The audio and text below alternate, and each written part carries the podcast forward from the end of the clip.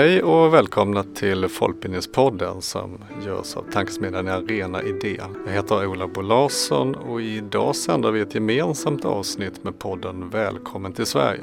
En podcast om att välkomna flyende från Ukraina till Sverige av tankesmedjan Arena Idé i samarbete med Remeso som är ett institut för forskning, utbildning och kunskapsutbyte om transnationell migration etnisk mångfald och medborgarskap i ljuset av ekonomisk omvandling och förändrade villkor i arbetslivet. Sverige står nu inför ännu ett stort flyktingmottagande. Den här gången från krigets Ukraina nu fattas de avgörande besluten om hur de flyende ska välkomnas till Sverige. Podden Välkommen till Sverige samlar erfarenhet och kunskap om flyktingmottagande och integration från aktörer i alla delar av samhället. Från akademin till aktivister. I dagens avsnitt ska vi prata om folkbildningens roll vid flyktingmottagandet. Ni lyssnar alltså på en samsändning mellan poddarna Folkbildningspodden och Välkommen till Sverige som båda görs av Arena Idé. Som är en eh, fackföreningsnära partipolitiskt obunden tankesmedja med fokus på arbetsmarknad, ekonomisk politik, välfärd och demokrati med oss har vi Agita Martinsson, rektor på Litorina folkhögskola i Karlskrona och Therese Andersson från Folkuniversitetet i Stockholm som båda på lite olika sätt är engagerade i folkbildningens arbete med ukrainska flyktingar. Vi kommer också idag jämföra lite grann med folkbildningens flyktingmottagande på senare år. Eh, Agita, du är rektor på Litorina folkhögskola. Vad är det för en profil? Varför, varför ert engagemang? Ja, profilen för Litorina folkhögskola är Östersjöprofil, det vill säga vi utvecklar vår egen kunskap om länderna runt Östersjön. Vi reser mycket, vi har olika projekt, vi har gäststudenter, personalen och styrelsen åker på fortbildningar, vi tar emot praktikanter.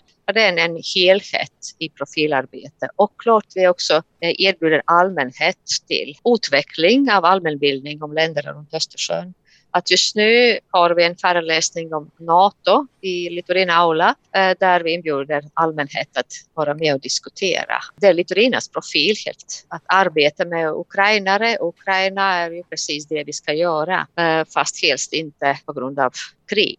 Man har kunnat läsa mer i eh, media efter krigsutbrottet och så. Varför har vi mm. kunnat, vad har vi kunnat läsa där? Ja, det av, av ren mänsklighet. Eh, vi var ute till färjan som kom från Polen in till eh, verket i Karlskrona. Jag har varit där också flera gånger med mina barn och barnbarn på morgonen och kvällen för att bemöta ukrainska flyktingar och erbjuda det som kan erbjuda där på plats från kläder till mat men i första hand bemötande. Och jag har en viss fördel i det därför att jag kan ryska språket och därför kunna samtala med personer och det är det som behövdes mest, att samtala och lyssna. Och där också fick jag en uppfattning vilka som kommer, vad längtar de efter? De, minst 50 procent av dem kom frågade om skolan och utbildning mm. direkt så fort de hade kommit över eh, gränsen till Sverige. Och det är klart, det kunde vi erbjuda och säga att vi ska göra allt vi kan mm. eh, för att erbjuda något i utbildningsväsendet. För att anta ett eh, helikopterperspektiv på situationen kring de ukrainska flyktingarna i Sverige så tar vi oss tillbaka till slutet av mars, i början av april. Då skrev Folkbildningsrådet så här. Ändringen som träder i kraft den 11 april innebär ett förtydligande av att statsbidraget kan användas även till verksamheter för personer som har beviljats uppehållstillstånd med tillfälligt skydd i enlighet med EUs massflyktsdirektiv och oavsett om dessa personer bor i Migrationsverkets anläggningar eller inte. Beslutet tydliggör att statsbidraget för svenska från dag ett är fullt ut kan användas för de som nu kommer till Sverige från Ukraina oavsett om de sökt asyl eller fått uppehållstillstånd med särskilt skydd. Vad hände då, Therese Andersson som arbetar på Folkuniversitetet i Stockholm? Vad hände i, för studieförbundens del? Vad hände i Stockholm och vad hände på Folkuniversitetet när det väl blev klart att ni kunde arbeta med, med eh, de ukrainska flyktingarna med hjälp av de statsbidragen för eh, Svenska Fördraget? Vi hade nästan vill säga att vi nästan hade väntat lite grann på att få beskedet. För att om vi går tillbaka till 2015 där eh, det andra, när det andra mottagandet var så började mina kollegor med verksamhet för asylsökande och liksom hade en, en upparbetad rutin, hur hemskt det än låter. Liksom det fanns ganska färdigt eh, liksom metod att använda sig av. Eh, så när vi fick beskedet att det är okej att köra, då var vi snabba igång faktiskt. Nu talar jag för Folkuniversitetet i Stockholm då, men vi hade, de första kurserna började 28 och 29 mars för asylsökande från Ukraina då.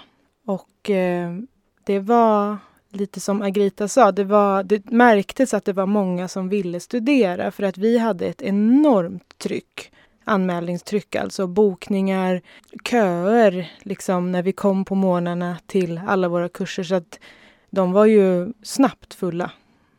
Hur gjorde ni i Stockholm till exempel? För det är ju flera studieförbund som var aktiva. Vi har ju vetat att ABF har en stor verksamhet. Vi har mm. Studieförbundet i vuxenskolan skulle varit med här men, men tappade tyvärr rösten. Så att eh, det är de tre mm. studieförbunden som är kanske störst i Stockholm när det gäller just den här verksamheten. Gjorde ni, var ni tvungna att samordna er på något sätt eller hur, eh, hur gick samordningen till?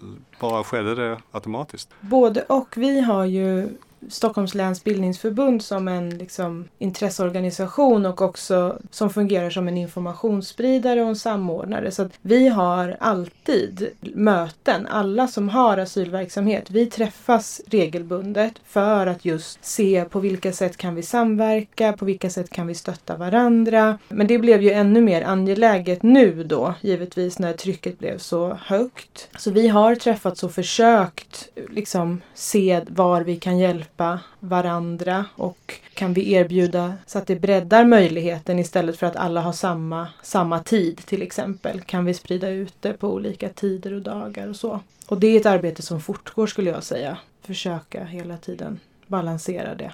Mm. Fanns det någonting nationellt som samordnades eller blev det mer en, en, lokal? Det blev mer en lokal. Sen gick det ju ut, alltså Folkuniversitetet nationellt hade regelbundna utskick och så men förutsättningarna ser ganska olika ut även inom Folkuniversitetet i olika delar av landet också.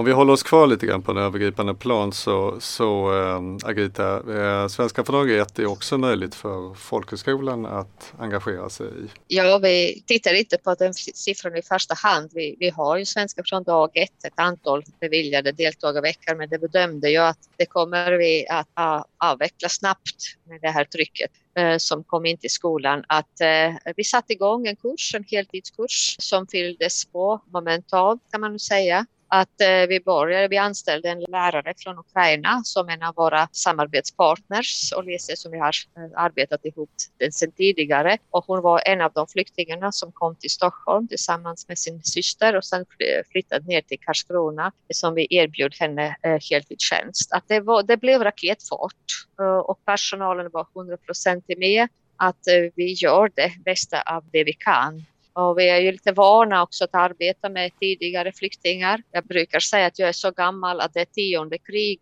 i, mm. för mig i Litorinas eh, karriär, det vill säga jag jobbar snart 30 år. Och det är tionde krig vi är inblandade. Så ska det inte gå till, men så är det tyvärr. Att, eh, vi öppnade kursen och startade och nu är det det som vi skriver till Folkbildningsrådet att eh, våra deltagarveckor gällande svenska från dag ett har förbrukade för länge sedan. Men vi arbetar på vårt koncept är tillsammans med andra kurser att vi integrerar oss direkt, oss då menar jag ukrainare, eh, direkt med, med, andra kurser, seniorer och allmän kurs och hantverkskurser. Och vi har haft flertal träffar för fred och vänskap i vårt Litorinas trädgård när andra föreningar har kommit och Stadsvärde har grillat för 200 människor och så.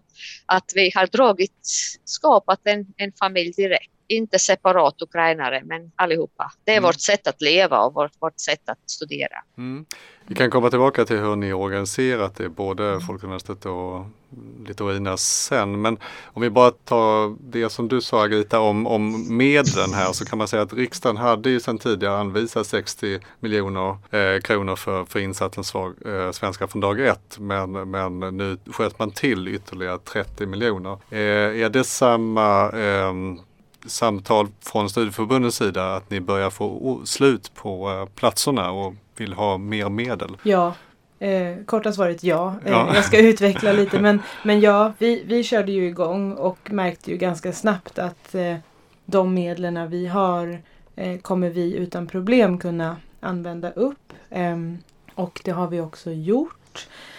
Och nu väntar ju vi lite grann på att få besked. Kommer det komma något mer? Vi hoppas ju det för vi vill kunna erbjuda eh, ännu mer liksom, renodlade svenskkurser för de som går. Men sen i och med att vi har också, studieförbunden har ju också fått besked att eh, ukrainarna med sin status, alltså inom massflyktsdirektivet, även får delta i all annan verksamhet. Så det, det, vi, vi kommer ju kanske kunna hitta andra sätt att, så att de liksom kan få vara med på något vis. Men vi skulle ju allra helst kunna fortsätta med våra kurser i renodlad svenska för det är det som de verkar vilja ha. Och en del frågar efter engelska också faktiskt. Mm.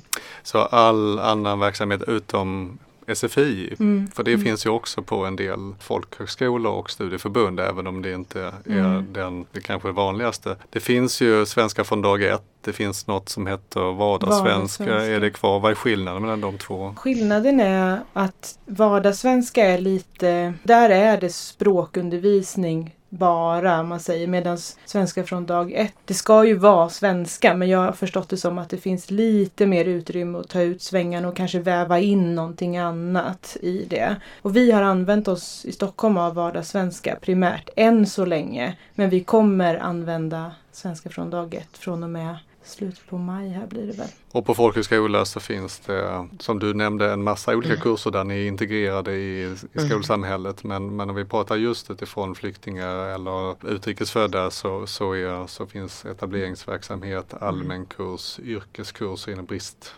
bristyrkeskurser. Har ni fler former? Vi har ju kvällskurser också som har möjlighet, de är ganska omfattande, så inom hantverket, även, även inom eh, Blekinge natur, vandringar med mera där också, historiska vandringar. Men vi måste komma upp till språknivå för, mm. för att vara med. Vi, det vill säga ukrainare, måste komma upp i, mm. språknivå för att kunna vara med på de kurserna. Än så länge de är med tillsammans med allmän kurs, diskuterar en del på engelska. Jag kan inte se att jag kan skilja svenska och samhället, samhällskunskap separat. För vår del är alltihop, mm. inklusive eh, lokalkännedom. Vi har varit på stadsbibliotek, eh, vi har varit på Konserthuset, vi har varit på Stortorget, liksom att allt går ihop och därmed också språkundervisning. Det är så viktigt att ta in dem i ringen direkt uh, utan att isoleras som separat grupp. Det, det, gör vi inte. Det är, det är som första dagen och nu ska de laga borsch för 250 personer. Eh, vi fick köpa tre 10 liters grytor idag. Rödbetor alltså? Rödbetssoppa? Ja. ja. Ja men låt oss prata konkret hur ni, hur ni har gjort eh, Therese. Hur många pratar vi om i, er verksamhet och var håller ni hus och på vilket sätt går det, hur går det till? Hur har ni organiserat det? Vi håller ju till centralt i Stockholm. Vi har ganska stora lokaler där med klassrum och där är än så länge all undervisning är i våra lokaler. Sen har vi pratat om möjligheter att förlägga en del kurser på andra ställen. Vi har samarbete med folkhögskolor till exempel. Men just nu, än så länge ryms alla och alla Eh, senaste siffran när jag tittade de kurser som är igång nu, då har vi eh, 200 aktiva deltagare. Och då är det alltså bara ukrainare eller personer som har flytt därifrån. Sen har ju vi alltså vår, nu säger jag ordinarie asylverksamhet, det är ju ännu fler då, men, men bara ukrainare. Och eh, vi har kurser från morgon till, än så länge inte kväll, men vi, vi funderar på det i och med att det är fler och fler som faktiskt har fått jobb. Så alltså efter, de har efterfrågat kvällskurser. Margita berättade att hon stod på färjecentralen mm. och tog emot. Eh, vad, eh, hur, hur kommer de till Folkuniversitetet? Om man hittar dem till Folkuniversitetet? Det är en bra fråga som vi har pratat om internt lite för att vi la upp kurser på hemsidan och första anmälningen kom två timmar senare och då hade vi inte hunnit göra reklam någonstans. Vi gissar att det är så att många som kom hit ganska snabbt.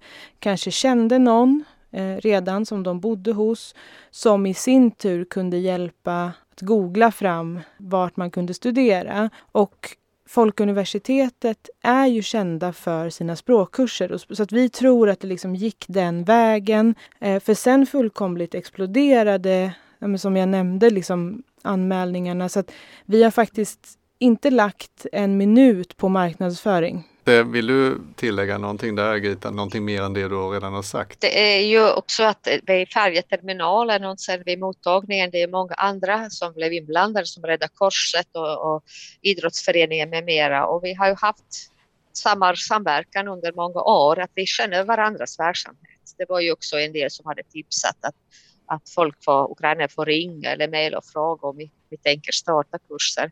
Sen har vi haft eller har ukrainare studerande hos oss som är ingifta i Sverige som kom i, i fredlig tid och de tog emot sina vänner och bekanta också på det viset. Det blev också en spridning av.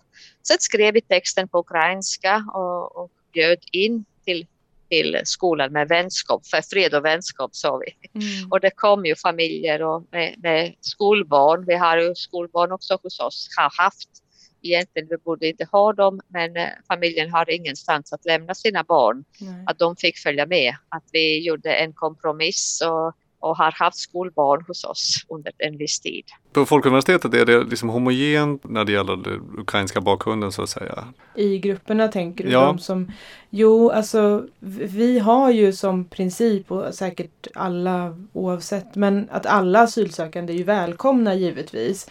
Ehm, det fylldes på så snabbt så att vi har väl, det är några grupper där det kanske är någon asylsökande från något annat ehm, ställe. Sen har vi ett par som alltså har bott i Ukraina och jobbat men som har en annan nationalitet.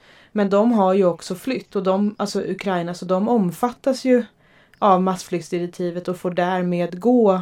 Så no, några sådana deltagare har vi men, men det är ju det är ett max, jag tror inte de är tio, utan det är majoritet ukrainska medborgare.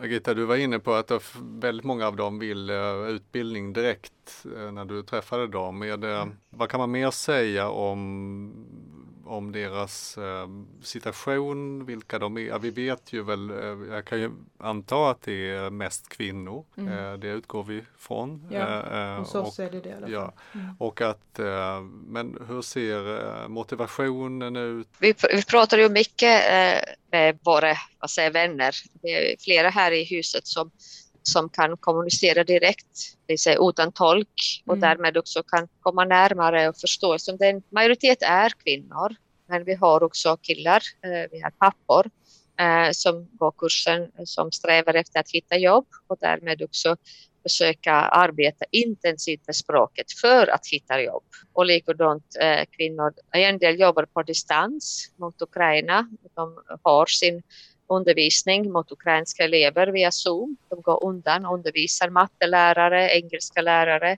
Eh, vi har OS-tränare i simning eh, som, är, som är hos oss som flydde från Ukraina. Att de försöker sköta sitt jobb också parallellt eh, som med tanken att återvända någon gång. De har eh, väldigt splittrad vision men samtidigt otroligt motiverade.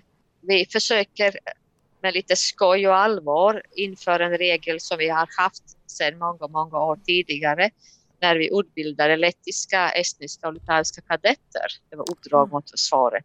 Att efter en månad eh, fick de tala svenska och nu har ukrainare nått den gränsen att från 5 maj talar vi bara svenska. Om man går tillbaka till det som ni egentligen varit inne på lite grann, men just alltså syftet med den här typen av ja, Svenska för några ett. Hur, hur, tänker man kring syftet från, eh, från folkbildningens sida?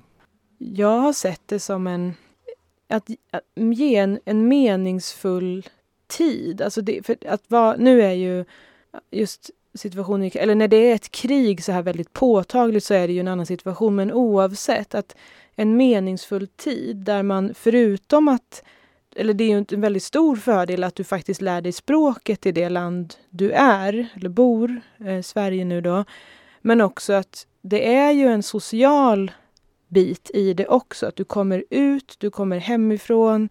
eh, du får tänka på någonting annat. Så, och som vi pratade om tidigare också, att man väver in någon form av samhällsinformation. Det är nästan oundvikligt, det tycker jag också, att det måste vävas in och att, ja, jag, jag återvänder till ordet meningsfullt. Jag tycker det ändå är liksom centralt faktiskt. Det som jag ser som en viktig faktor är ju solidaritet.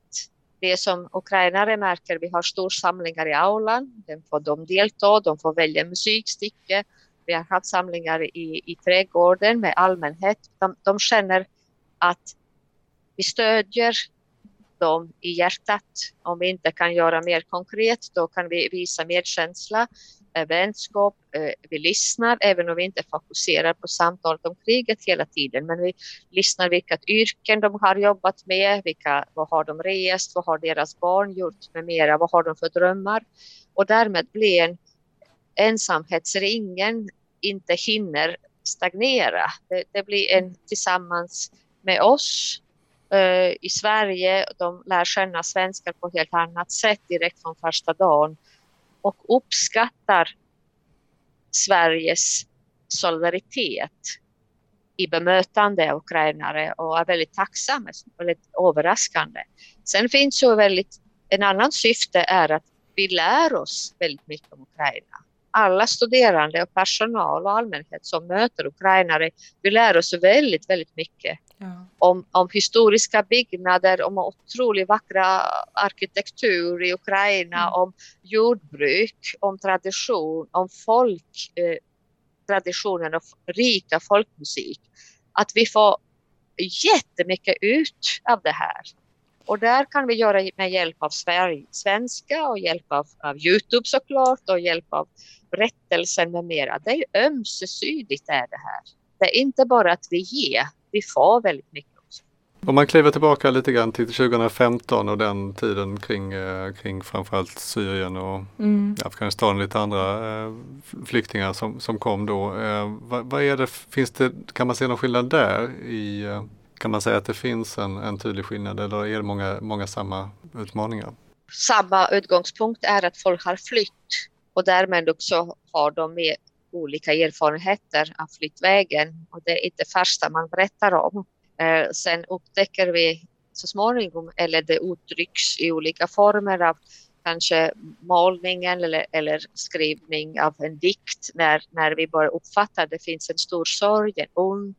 Eh, det har kanske funnits till och med övergrepp och allt annat. Att det kommer upp så småningom efter vi har skapat en tillit. Att det kan jag säga det är gemensamt för, för alla krig som jag sa tio som jag minns. Det finns det här gemensamma vägen hit. Sen målgruppen ser annorlunda ut. Eh, det ser annorlunda ut genom att då fick vi lite mer den manliga delen av befolkningen 2015. Eh, Sen från Afghanistan, det var ju blandat, då fick vi väldigt många äldre kvinnor som mm. inte hade fått gå skolan, som kom till oss som första gången vid skol bänken med pennan med mera och är väldigt tacksamma för den möjligheten att gå skolan första gången. Att varje krig har ju plockat fram andra behov och därmed också har vi fått lära oss att tänka om. Det mm. är en, en stor skillnad, inte minst i kulturella erfarenheter. Som ukrainare är ju väldigt mycket pårest folk. De har rest runt hela Europa lika många, mycket som svenskar har gjort och lite till. Eh, de är mångspråkiga, tvåspråkiga från början och sen har de läst till några språk. Att utbildningsnivån är högre. Jämställdhetsfråga ser lite annorlunda ut också, men det är fortfarande en del att göra i det avseendet också. Men det är en skillnad från tidigare eh, flyktfågel, ja. Är det också samma sak om man, om man jämför med, med um, vart man är på väg och om man tänker arbetsmarknad och, och så? Är det... Ja, det skulle jag nog säga. Jag, jag tänker tillbaka för när liksom 2016 då jobbade jag på SFI och mötte ju väldigt många, så un, jag jobbade som lärare då och undervisade många syrier framför allt. Och det som jag det är svårt att säga än så länge för vi, det är så nytt kriget i Ukraina men som jag upplever då att kriget i Syrien var vi inne på 12 år. Alltså det har ju pågått så fruktansvärt länge och att man och det är ju en ovisshet nu också men på något sätt så jag tycker att det här att man hör människor som säger redan nu eller som till och med har börjat åka tillbaks alltså till Ukraina. Det var ju inte tal om som jag minns det. Liksom, alltså det är klart att människor vill åka hem. Men, men det var ju inte liksom att jag vänder tillbaka. Och, sen, och det är ju som, som vi sa precis, det är ju olika krig och det är olika situationer och sådär. Men, och det tänker jag att det påverkar nog hur man ser på sin situation och vad man tänker sig att man vill och kan göra. Men jag har inget mer konkret exempel än så. SFI jobbade du på tidigare mm. och om man tänker den skillnaden nu eh, när det gäller eh, hur man lär sig svenska. Är det, vad har ni för reflektioner där? Mina tankar kring det är ju att och vad, vad som också gör att jag trivs väldigt bra inom folkbildningen det är ju att SFI har många fördelar men när man skalar bort eh, kraven på att man ska prestera på ett nationellt prov, man skalar bort liksom den här, det här på ett sätt då kravlösa lärandet och som kan se olika ut om man är på folkhögskola, studieförbund. Och jag menar inte att det är kravlöst att man inte behöver liksom göra någonting eller liksom Jag upplever nämligen att nationella proven till exempel på SFI, det var så enormt stressmoment och det var som liksom ibland liksom oöverstigliga hinder för att liksom ens få en chans att få ett jobb. Och det, det upplever jag när det inte finns, att lärandet på något sätt det blir minst lika bra ändå på något vis. Sen är det ju en annan sak att vara asylsökande. Du, du har ju en an, andra typer av utmaningar, du har en lång väg. Men, men jag, jag tycker att det finns en tydlig fördel med att lära sig på det sättet som man kan göra hos oss på studieförbund eller på folkhögskolor. Eh, Agita, du har ju, vi har inte nämnt det, men du har ju, du har ju lärt dig svenska i vuxen ålder mest va? Fortfarande inte tillräckligt. Jag kom ju, jag var 33 och då är man ganska mogen vuxen. Och då säger jag att tungan eh, rent fysiologiskt eh, har tränat in sig på språk eh, som är inte alls lik eh, svenska. Eh, trots att jag har lite andra språk med, med mig. Att det var en tuff kamp både 94 men här hade ju otrolig tur att sätta igång och för något sätt få en uppfattning om svenska språket. Att samma år fick jag jobb på Litorina också. Att det, det, det gick ju ganska smidigt ändå. Men jag fick kämpa, brottas med min egen stolthet. I Lettland jobbade jag, var rektor på gymnasieskolan. Då har man en, en viss uppfattning om en akademisk bakgrund förmåga till att man säger, bygga meningar som är mycket större än barnspråk. Men när man kommer och börjar läsa språket, då börjar man med de här enkla barnsliga meningar och därmed också få en inre kamp genom att arbeta med sig själv, att inte avskriva sin egen ekonomiska förmåga. Som tyvärr har vi i, i Sverige har vi den här känslan att språkförmåga lika med tankeförmåga.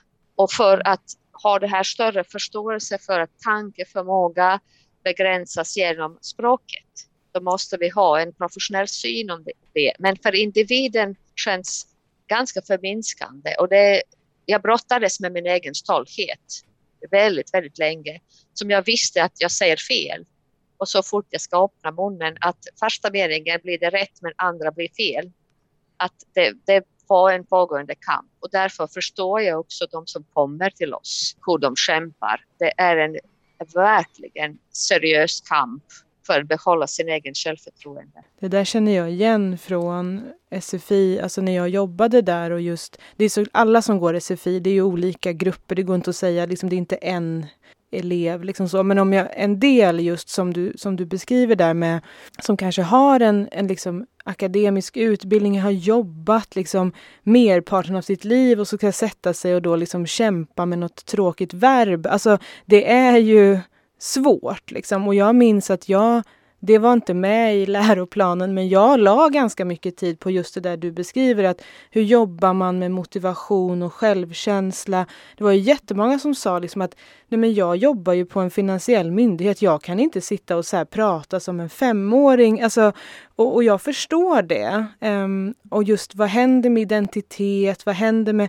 Så att, det vet jag att när jag undervisar jobbar jag ganska mycket med det faktiskt. För det är minst lika viktigt. Det är en blockering då, vilket är förståeligt såklart. Men att just det handlar inte om att du måste plugga 20 timmar i veckan till utan det, hur blir vi av med blockeringen eh, hos dig liksom. Finns det mer att säga om den själva pedagogiska situationen tycker ni när det gäller eh, att undervisa och undervisning för? Eh...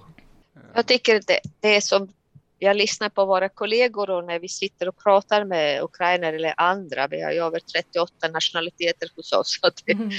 hela världen är på, på plats. Då, då, det viktiga är att, att varje människa blir sedd. Mer komplicerad är det inte. Det vill säga att varje person som kommer in blir sedd och sen inte utsättas för mer än den orkar. Nej. Ibland måste man backa och inte inte tvinga för och samtidigt inte släppa. Det är det här att man är som en bra bilförare. Mm. Så ska vi vara liksom. Mm. Gasa i rätt tid, bromsa i rätt tid, svänga i rätt tid. Mm. Att det, ungefär så är det att arbeta med människor också. Att mm. vi är vägledande och, och bra bilförare. Och stimulera och skapa glädje, det får man inte glömma. Eh, att vi måste skapa oaser när ukrainare eller andra som kommer till oss får blomma upp fullständigt. Att de mm. återfår sin gamla roll, fem minuter eller 20 minuter, men att de får andas och mm. de är där igen. Om det är sångare eller målare eller mattelärare eller vem, men att de känner att den rollen finns någonstans. Vi avskriver inte det. Att vi skapar de här möjligheterna, de kan vara den de är Mm. Och sen får de språket på köpet och runt om. Man kan väl säga någonting eh, jämförelse när det gäller um, siffermässigt. Vi pratade om hur många, hur mycket pengar som gick. Vi pratar 90 miljoner nu och det är ju är inte ens hälften av vad som fanns 2016 eh, kopplat till den här verksamheten. Så att mm. TIA-medel, är det mm. någonting som eh, ukrainska flyktingar får del av? Ja, det är det. Eh, I alla fall, jag vet inte om det är samma i hela Sverige men Länsstyrelsen Stockholm har gått ut och sagt det att alla insatser inom TIA mm. får även eh, ukrainare alltså som omfattas av massflyktsdirektivet ta del av och det var ju väldigt positivt. Tidiga insatser för asylsökande är ju generellt mot vuxna men här fick även barn vara med. Underlättar ju eftersom att alla inte får förskole och skolplats. Det, det, de får det men det tar tid. Så jag vet att det är flera studieförbund här och en del andra organisationer och föreningar som har TIA som har kunnat ta emot och hjälpa Ja, jag börjar lida mot sitt slut här och jag eh, tänker att ni kanske tycker att vi har missat något speciellt område kring den här verksamheten som vi eh, behöver ta upp. Ja, jag hade eh, velat ta upp det här eh, föreskrifter gällande svenska från dag ett. Där stod det att en individ kan ha ett antal månader beviljade på en folkhögskola, alltså begränsad tid. Jag har väldigt svårt att hitta en argument varför finns det här begränsande, begränsade tiden för inom svenska från dag ett. Om allt annat är individanpassat, det borde vara individanpassat även för flyktingar. Att det föreslår jag att någon tar upp det och verkligen undersöker varför finns det sex månader? Vad är det för begränsningar? Vad, vad kommer hända sen då med de som söker och vill verkligen studera vidare? Den andra är att samhället som sådant är, har ju väldigt stora resurser att, att man drar in hjälp och tar emot hjälp av föreningar och samhället runt. Som det blir för tungt om bara en institution försöker göra en insats. Men tillsammans kan man göra mycket, mycket bättre. Och det, det är min tips till alla, att det finns möjlighet att organisera upp och på det viset stödja oavsett om det är Ukraina eller någon annan som kommer till, till Sverige. Att eh, det, det, behöver vi för att demokratisera själva processen. Som det finns samhällsgrupper som inte tycker om det. Eh, det uttalas till och med väldigt negativt på sociala medier även om ukrainare. Och det får vi uppmärksamma också arbeta mot, det vill säga ge samhället möjligheter att lära känna människor som kommer till Sverige och därmed också minska den här önskan att replikera och beskriva det som är oönskat och till och med grövre än så. Jag vill bara uppmärksamma att det finns mycket tal och prat på sociala medier som är också negativt gällande ukrainska flyktingar. Jag tackar för att ni har kommit hit till Arena Idé och mm. ni som lyssnar och fortsätter hoppas jag lyssna på Folkbildningspodden och välkommen till Sverige på återhörande. Hej då! Tack, tack för inbjudan. Tack! Tack, hej då! Hej då! Hej då!